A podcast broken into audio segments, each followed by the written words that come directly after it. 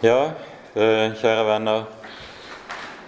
Tema og tittel for denne bibelhelgen er, som vi har hørt, hentet fra Jesaja-bokens 43. kapittel, sitt innledningsvers. Egentlig var det sånn at eh, det var Gunnar Jonstad som eh, satte oss på tanken med å stanse opp for denne tematikken.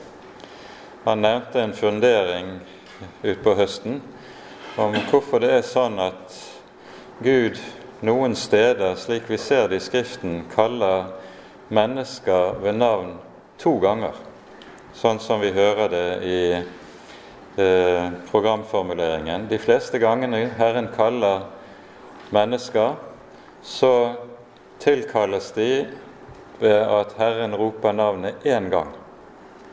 Men det er altså noen ganske få steder i Skriften vi hører at Herren roper navnene to ganger. Hvorfor gjør han det? Det er noe å stanse opp for.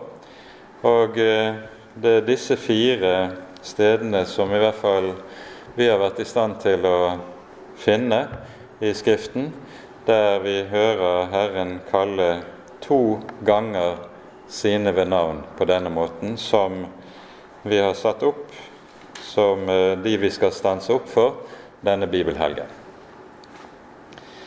Men eh, overskriften blir altså hentet fra Jesaja-bokens 43. kapittel, det første vers.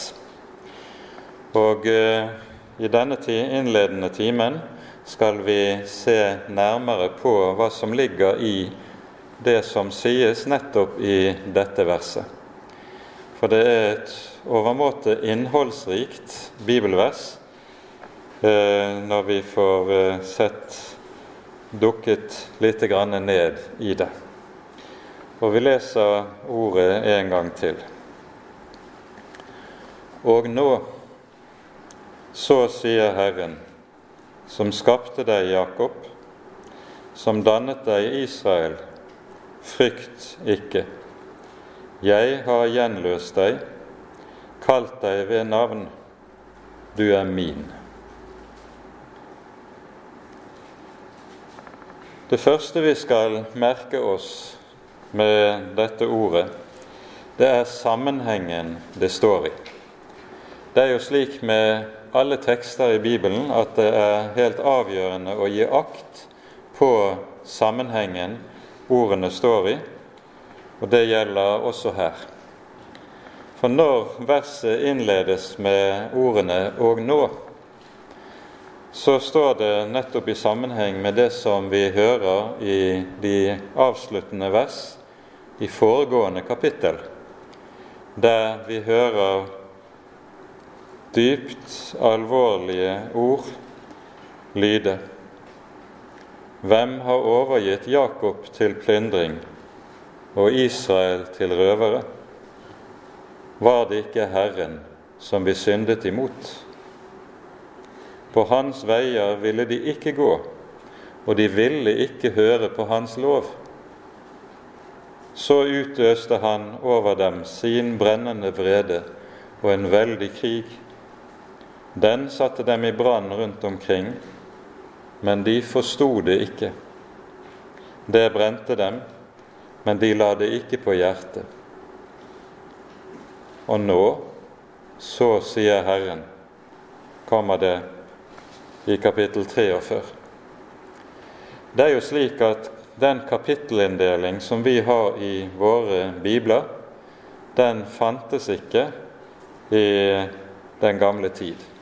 Det var først eh, i middelalderen, på 1100-1200-tallet, at man delte bibeltekstene inn i kapitler, slik at eh, det som vi har så lett for, når vi leser et kapittel i Bibelen, så går vi ofte glipp av sammenhengen det har med det som går forut. Og Det kan i en rekke tekster i Bibelen være til stor skade, i det man veldig fort kan gå glipp av viktige sider ved det som står i bibelteksten. Sammenhengen her den handler altså om når Herren nå taler og sier, frykt ikke, jeg har gjenløst deg, kalt deg ved navn, du er min, så lyder det til et folk som er under Guds dom, som er under Guds dom på grunn av sin synd, på grunn av at de har vendt det døve øret til Herrens ord og Herrens lov når det lød. Og så er det nettopp til et folk som er under dommen på grunn av alt dette, at dette forløsende budskap og dette forløsende ord kommer. Dette er jo også det som er saken og er tilfellet når Jesus trer frem og begynner på sitt virke. Det er til et folk som er under Guds dom, han kommer med sin frelse, med forløsningen. Og det gir noe av dybdeperspektivet for det vi hører om i bibeltekstene. Og Dette er jo noe vi stadig ser hos profetene. At budskapet om dom og budskapet om frelse det går så å si hånd i hånd. Det kan stå om dom i det ene verset, og i det neste verset så står det et budskap om frelse. Og Ofte kan eh, både bibellesere og fortolkere synes det er vanskelig å håndtere noe som synes som en slik bratt overgang tematisk. Men saken er den at i Skriften så henger disse to ting uløselig sammen. Det er til et folk som er under dommen, Herren kommer med budskapet om forløsning. Det er til de som er døde, han kommer med livet. Og så er dette altså tekstsammenhengen som vi skal gi akt på. Det neste som vi skal notere oss, det er at i eh, dette verset så lyder det to uttrykk for å skape. Nå så sier Herren som skapte deg, Jakob, som dannet deg, Israel.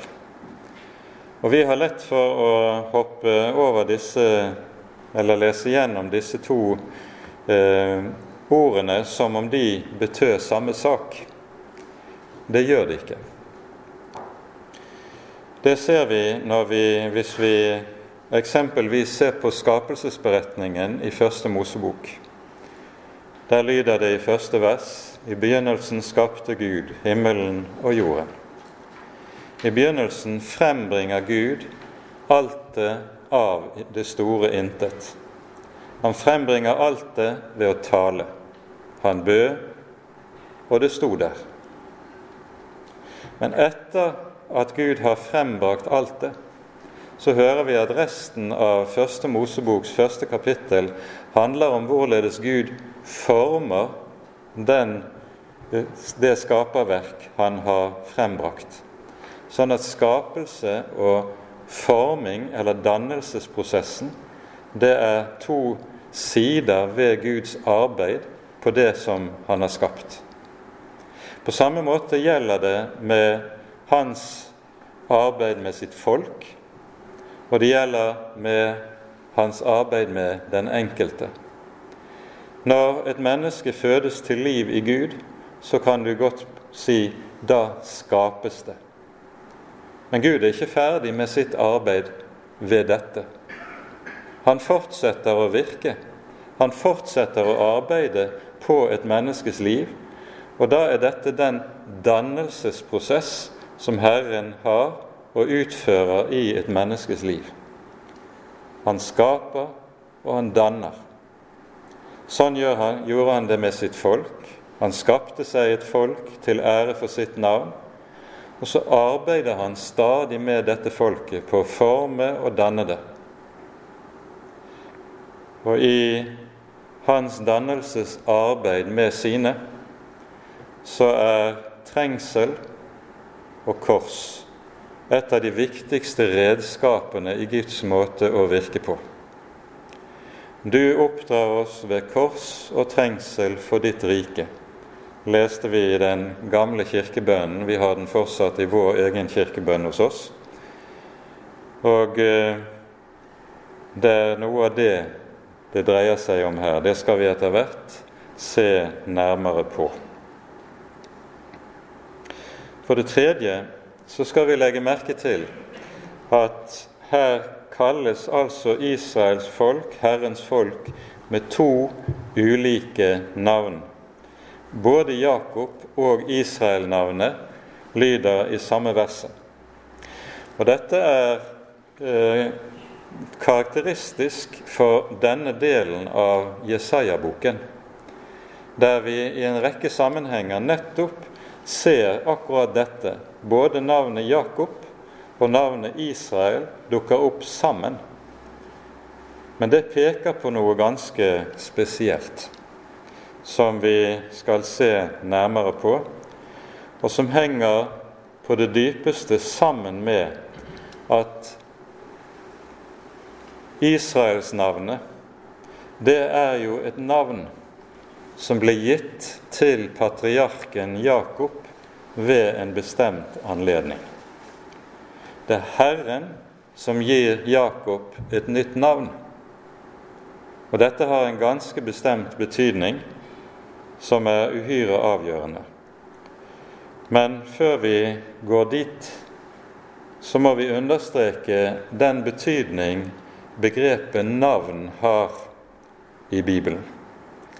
Navn Et navn er i Bibelen ingen tilfeldig merkelapp, så å si for å kunne individualisere det enkelte mennesket du har med å gjøre. Navnet er i Bibelen noe som har langt, langt dypere betydning. I det det skal si noe helt avgjørende og helt sentralt om hvem en person er, og hva som er hans gjerning og hans livs verk, hva som karakteriserer personen. Dette ser vi ganske særlig når det gjelder Guds navn.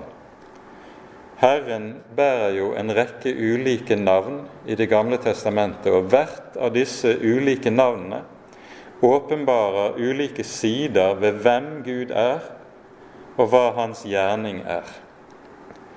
Men dette gjelder også for en hel rekke av eh, de sentrale bibelske personer. Han som kalles troens far, Abraham, han het jo opprinnelig Abram da han ble kalt. Abraham betyr, Abram det betyr store far. Men Herren forandrer, hører vi i Første Mosebok 17. kapittel hans navn til Abraham, som betyr far til mange folkeslag. For, å, for at Abrahamsnavnet skal romme det som er kjernen i løftet som gis til Abraham når han kalles. Løftet var jo nemlig i deg skal alle jordens slekter velsignes. Og så kaller Herren Abraham ved et nytt navn. Vi hører at Gud så å si blander seg inn i navngivningen til en rekke bibelske personer i forbindelse med deres fødsel. Når eh, det viktigste eksempelet i så måte er jo vår Herres Jesu fødsel. Du skal kalle ham Jesus, for han skal frelse sitt folk fra deres synder. Jesus-navnet det er et navn som altså sier hvem personen er, og hva hans livs gjerning og livs betydning er for noe. Og Sånn er det også med Israels navn. Det er et navn som gis av Herren. Vi kunne nevne andre navn. Navnet David, som er så viktig i Bibelen. Det kommer av et verb som betyr å elske eller å ha kjær. David er den elskede. Og når Jesus kalles Davids sønn, så hører vi det lyde ved flere anledninger Du er min sønn, den elskede, i hvem jeg har velbehag. Det er forbindelseslinjen der. Salomo kommer av ordet shalom i Det gamle testamentet, som betyr fred. Og Salomo er i sitt styre forbildet på han som kalles fredsfyrsten. Og hele Salomos kongetid var jo også i utpreget grad preget av fred, i motsetning til Davids kongetid, som var gjennomvevet av krig, så å si fra begynnelse til ende. Sånn kunne vi fortsette. Men bare for å gjøre klart denne veldige sentrale betydning som begrepet navn har i Bibelen. Når Herren sier 'Jeg har kalt deg ved navn', så sier Herren med det når han kjenner en persons navn så kjenner han denne personen inn i det aller dypeste og aller innerste. Det er intet som er skjult for hans øye som vi har med å gjøre, sies det i Hebreabrevet. Og når Herren kaller ved navn, så er det et kall som går på det dypt, dypt personlige, der Herren innbyr til et fortrolig fellesskap med seg selv, som Bibelen altså utlegger for oss på mange måter.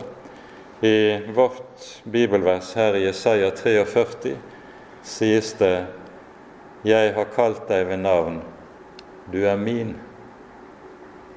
Det er kjærlighetens språk. Det er det språket som lyder mellom de elskede. 'Jeg er din, og du er min. Det er to som tilhører hverandre, som kan tale slik. Og det er dette språk Herren anvender når vi her hører det tale om et slikt kall. Jeg har kalt deg ved navn. Du er min. Og dette 'du er min', som i ordets rette og egentlige forstand i Skriften lyder mellom mann og hustru, det setter dermed foran oss bildet av hvorledes Kristus og hans menighet nettopp tegnes for oss under bildet av brud og brudgom i Skriften. Du er min.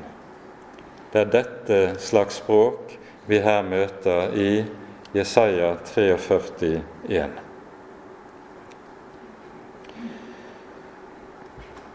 Vi må også bemerke i det vi her hører, at det står 'Jeg har gjenløst deg'.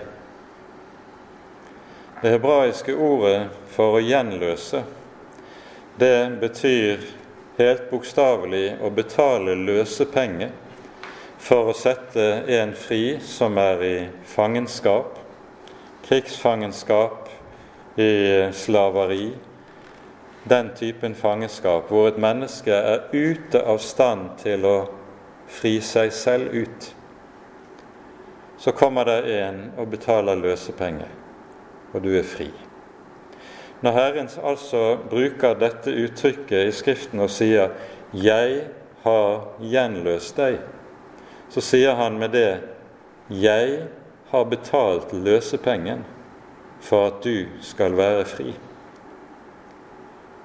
I dette ligger det en dulgt hentydning til Han som en dag skal komme og gir sitt liv til en løsepenge for mange, slik Det nye testamentet viser det. For når mennesker i den gamle pakt kunne bli frelst, så ble de frelst på grunnlag av Han som en dag skulle komme. Vi blir frelst på grunn av Han som er kommet. Men det er hans liv og hans død som er og gjelder til forløsning for den hele menneskehet, enten de levet før hans komme til jord eller etter hans komme til jord. Jeg har gjenløst deg, lyder det, som et fullbyrdet faktum. Her sies det ikke om, som et løfte om noe som en gang skal skje i fremtiden, men det forkynnes som det som er gitt, som det som er gjort. Jeg har gjenløst deg. Men for at vi også skal se denne bibelske sammenhengen som vi møter når vi hører om navnene Jakob og navnene Israel, så må vi gå tilbake til den tekst i Første Mosebok som taler om dette.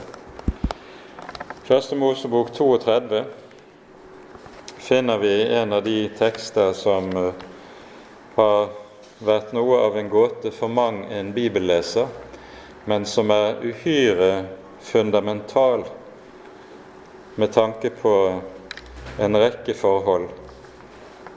Så vi skal se nærmere på dette.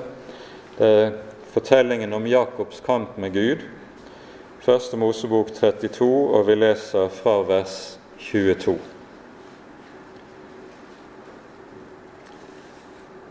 Samme natt sto Jakob opp og tok sine to koner, de to trellkvinnene og sine elleve sønner gikk over vadestedet ved Jabbok. Han tok og satte dem over elven og førte også over alt det han eide. Jakob ble så alene tilbake. Da kom der en mann og kjempet med ham helt til morgenen grydde. Da mannen så at han ikke kunne overvinne ham, rørte han ved hofteskålen hans, og Jakobs hofteskål gikk av ledd mens han kjempet med ham. Og han sa, Slipp meg, for morgenen gryr. Men Jakob sa, Jeg slipper deg ikke uten at du velsigner meg. Da sa han til ham, Hva er ditt navn? Og han svarte, Jakob. Han sa, Du skal ikke lenger hete Jakob, men Israel, for du har kjempet med Gud og mennesker og vunnet. Da sa Jakob, Jeg ber deg, si meg ditt navn. Men han svarte, Hvorfor spør du om mitt navn? Og han velsignet ham der. Jakob kalte stedet Peniel, for, sa han, jeg har sett Gud ansikt til ansikt og enda berget livet. Og solen rant nettopp som han var kommet forbi Pniel, men han haltet på sin hofte. Derfor er det så til denne dag at Israels barn aldri eter spennescenen som er på hofteskålen, fordi han rørte ved Jakobs hofteskål på spennescenen.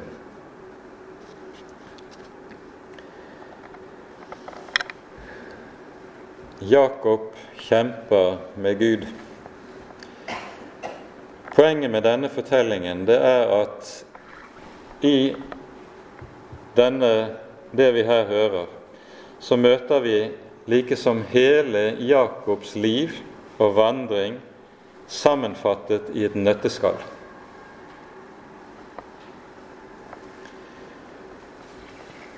Det som er foranledningen, eller går forut for dette, er at som dere vil huske, så bedro Jakob Esau for hans velsignelse, sånn som vi hører det i, kapittel 27 i første Mosebok.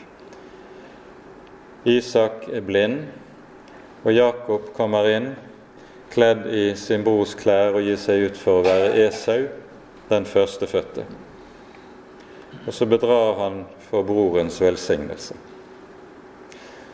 Esau legger han for hat, Jakob må flykte og ender opp hos Laban, der han blir værende i 20 år. Han må tjene syv år for Rakel, tjener syv år for Lea, og de siste seks årene får han da tjene til å få sin egen eiendom. Og Så hører vi i kapittel 31 at Herren sier til Jakob, nå skal du vende tilbake til landet. det land som var lovet Abraham, Isak og hans ett. Og Jakob bryter opp og tar med seg sine hustruer, sine tolv sønner og sin eiendom, som ikke er liten.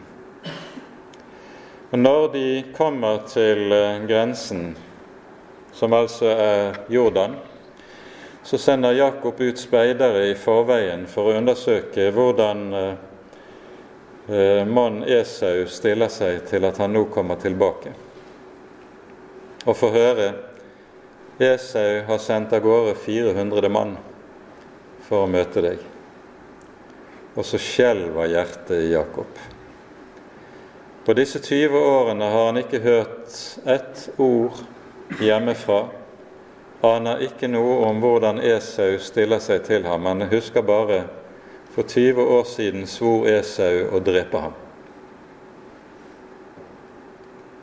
Han kan ikke vite om Esau har endret sinnelag. Og så er jo saken den da at når Jakob nå skal vende tilbake Det er Gud selv som har sagt 'vend tilbake'. Så må Jakob med dette også møte sin egen fortid. Og det er det det handler om. Han skal, I møte med Esau så møter han sin egen fortid. Så, etter å ha sendt hele alt sitt og alle sine over Jordan, blir han alene tilbake, sikkert for å bøye kne for Gud. Tidligere i kapitlet hører vi at Jakob ber til Herren etter at han har hørt at Esau kommer mot ham med de 400 mann. Vi leser fra vers 9. Min far Abrahams Gud og min far Isaks Gud. Herre, du som sa til meg, vend tilbake til ditt land og til din slekt, og jeg vil gjøre vel imot deg.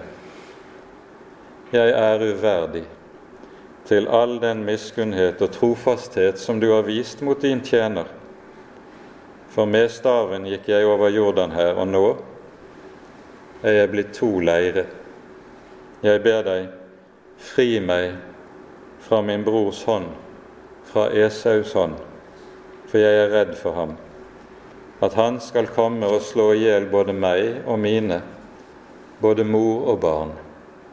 Du har jo selv sagt, jeg vil gjøre vel imot deg. Jeg vil la din ett bli som havets sand, som ikke kan telles for mengde. Og han ble der den natt. Slik bønn har vi ikke hørt fra Jakobs munn tidligere.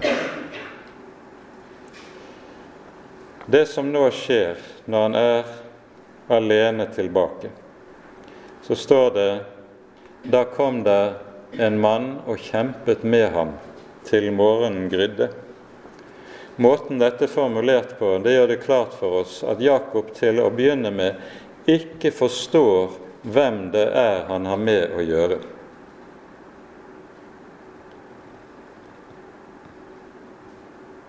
Og det er Jakobs liv i et nøtteskall. Han har aldri egentlig på alvor forstått at han har med Gud å gjøre. Og alt hans liv har vært samlet i dette at han har prøvd å greie seg selv ved egen kløkt, ved egne, egen evne til å sno seg. Så har han alltid tatt saken i egen hånd. Ikke som Abraham overlatt sin sak i Herrens hånd. Da mannen så at han ikke kunne overvinne ham. I den gamle oversettelsen sto det at han ikke kunne rå med ham. Rørte han ved hans hofteskål. Gjennom hele Jakobs liv har Gud søkt å nå inn til Jakob, men aldri nådd han inn. Jakob er en Gud ikke kunne rå med. Dere husker kanskje i eh, kapittel 28, da Jakob er på vei ut av landet. Han er på flukt, ligger om natten ved Betel og drømmer og ser stigen åpen som der Herren står og gir ham Abrahams løfte og lover ham at han vil velsigne ham, føre ham trygt tilbake og gjøre hans ett tallrik og velsigne alle jordens folkeslag, også i hans ett. Gud gir Jakob Abrahams løfte ved denne anledning. Hva svarer Jakob? Han sier, 'Hvis Gud er med meg, da skal han være min Gud'. Det er ikke Abrahams tro som lyder fra Jakobs munn. Det er noe ganske annet. Han er slett ikke sikker på at Gud vil ta seg av ham og velsigne ham. Og hva gjør Jakob da? Han gjør, det han har prøvd å gjøre hele veien. Han tror ikke på Guds velsignelse, og derfor må han sørge for å skaffe seg velsignelsen selv ved egne midler, ved eget svik, ved egne påfunn. Og det er det Jakob holder på med alltid. Ved Jakobs fødsel så hadde Gud lovet uttrykkelig at det var den yngste som skulle arve løftene. Og når det ser ut som Isak vil gi Esau velsignelsen i stedet for Jakob, så tenker Jakob hvis jeg nå ikke gjør noe selv, så mister jeg velsignelsen. I det ligger det vantro. Og da tenker han jo egentlig hvis jeg ikke gjør noe selv, så er Gud ikke i stand til å sørge for at løftet går i oppfyllelse. Og så sørger Jakob for å skaffe seg velsignelsen selv, ved egen hjelp, ved eget svik, ved eget bedrageri. Det samme er det han holder på med hos Laban. Han sørger for ved ulike typer krumspring at når eh, han er usikker på om eh, hans liv skal velsignes, så sørger for å skaffe seg velsignelsen ved egne midler. Han er en som har meget vanskelig for å tro Gud på Hans ord og på Hans løfte. Jakob er det som Gud senere sier om folket i 5. Mosebok i flere anledninger. Han er en hårnakket mann. Og Det sammenfattes i det som sies her. Gud ser at han ikke kan rå med Jakob. Og hva gjør Gud så? Slår han på hoften, så hoften går av ledd. Når to mann slåss, og hoften går av ledd på den ene, da har du tapt. Det er så smertefullt. Da er man kampudyktig. Da ligger du der. Og Nettopp det er det Gud må gjøre med Jakob fordi han hele tiden er den selvhjulpne, den som klarer seg på egen hånd, så må han slå Jakob ut. Og så later Gud som han vil forlate ham. Slipp meg, for morgenen gryr. Han vil dra fra Jakob.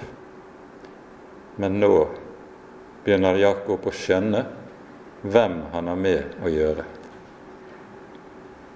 Og så sier han 'Jeg slipper deg ikke før du velsigner meg'. Den bønnen har Gud ventet på fra Jakobs munn hele hans liv. Hele livet har Jakob sørget for å velsigne seg sjøl, ikke villet vente på at Herren rekker ut sin hånd, åpner sin hånd, kommer med sin velsignelse. Alltid har han løpt foran Gud, alltid har han villet klare seg selv. Jeg slipper deg ikke før du velsigner meg. Nå er Jakob blitt den hjelpeløse.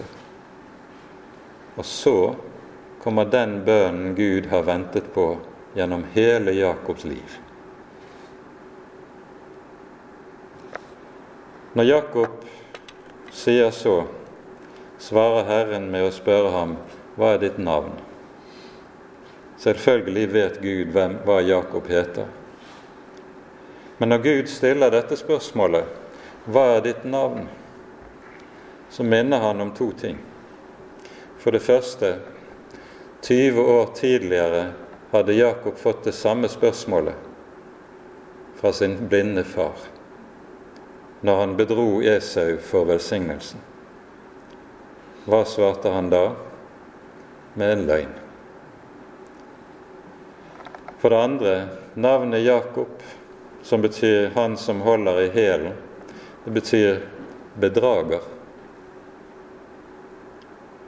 Når Gud spør 'Hva er ditt navn?', så spør han 'Hvem er du?' Og Jakob må svare som sant er 'Jeg er bedrageren'. Han som du ikke kan stole, på. Lurendreieren som bruker enhver anledning til å snu ting til egen vinning, gjerne om det går på bekostning av andre mennesker. Jeg er bedrageren. Jeg er Jakob. For første gang må Jakob si sannheten om seg selv. Og det er fordi han nå forstår hvem det er han har med å gjøre. For første gang i livet skjønner han hvem han har med å gjøre.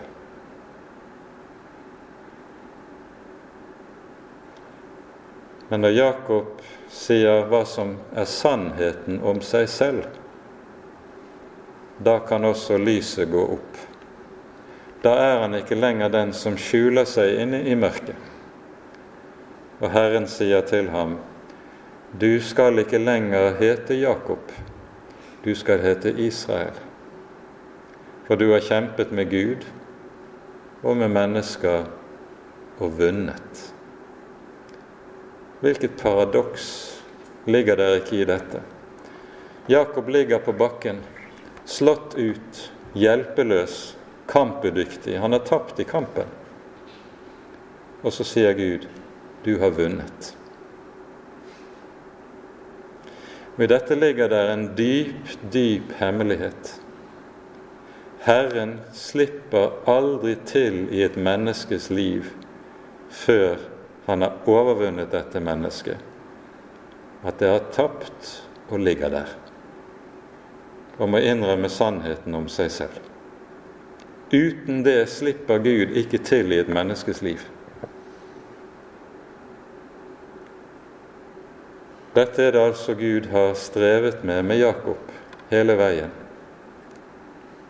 enda Jakob aldri så meget har eid løftet om velsignelsen. Først nå er det Herren riktig kommer til. For det å gi et nytt navn, det er å markere at nå, Jakob, nå er du en ny mann. Nå er du et nytt menneske. Nå er du den som Herren har satt sitt merke på. For i dette ligger noe av den store hemmelighet som Luther senere markerer i det han kaller korsteologien. Der ved å døde Gud fører til livet. Der ved å fornedre han opphøyer. Det å, være, å gjøre fattig han gjør rik. Dette er Guds måte å arbeide på. Og så markeres det i Jakobs liv på denne måte som vi hører det. Han får et nytt navn. Du skal ikke lenger hete Jakob, du skal hete Israel. For du har kjempet med Gud og mennesker og vunnet. Og slik må Herren arbeide og føre mennesker til dette grunnleggende nederlag for i det ligger seieren. Underlig som det høres. Jakob kalte stedet Pniel. For, sa han, jeg har sett Gud ansikt til ansikt og enda berget livet. Her eh, kunne vel oversettelsen godt eh, vært mer nøyaktig. For slik som den nå lyder, så er betydningen like som Jeg har sett Gud ansikt til ansikt, og tross det berget livet. Men dette ordet 'enda', som står i våre oversettelser, står ikke i grunnteksten. Det kan like godt være slik at meningen er den motsatte. Jeg har sett Gud ansikt til ansikt, og derfor berget fått livet. At det er det som er nøkkelen i dette. Nå har han møtt sin Herre og sin Skaper, og så har han fått livet. Han vet det. Og så står det livet Så står det solen rinner. Resten av sine dager halter Jakob på sin hofte. Han er merket. Herren har satt sitt merke på ham. Han halter alle sine dager. Men Jakob vet dette er Guds stempel på mitt liv. At jeg ikke skal glemme. Og når vi da er i, inne i Jesaja-boken, sånn som vi har hørt i eh, kapittel 43 vers 1, så ser vi da og skjønner litt mer hva som ligger i dette. Jeg er Herren som skapte deg, Jakob, som dannet deg, Israel. Dannet gjennom å føre gjennom nederlag til seier, gjennom død til liv.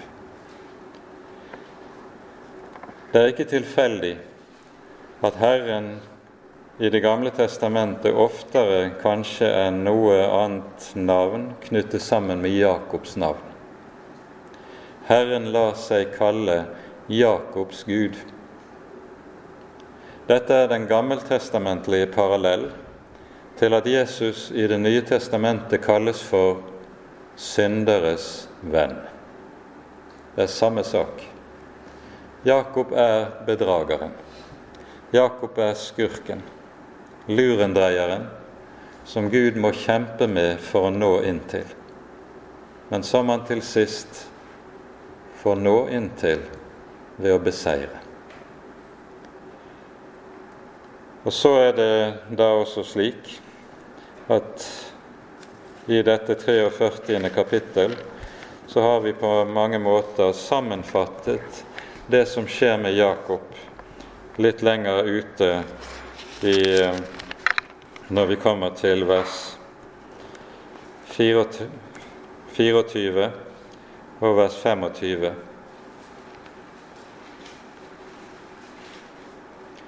Du har bare trettet meg med dine synder, plaget meg med dine misgjerninger. Jeg, jeg er den som utsletter dine misgjerninger for min skyld og dine synder kommer jeg ikke mer i hu.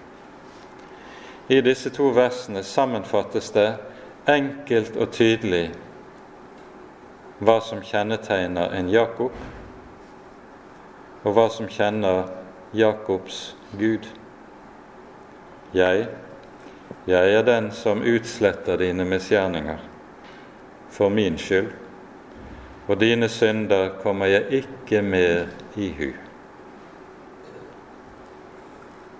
Og så setter Gud sitt navn på Jakob. Og det lyder også tydelig i det syvende verset i, her i kapittel 43. Når Herren lover å utfri sitt folk og sender, samler dem fra alle jordens hjørner, og så sier han om disse det er de som nevnes med mitt navn, som jeg har skapt til min ære, som jeg har dannet og gjort. På ny møter du disse to verbene skape og danne. Herren har gjort skapt til sin ære, for at syndere får nåde. Det er til Guds sanne og rette ære. Ære være Faderen og Sønnen og Den hellige ånd, som var og er og være skal en sann Gud, høylovet i evighet. Amen.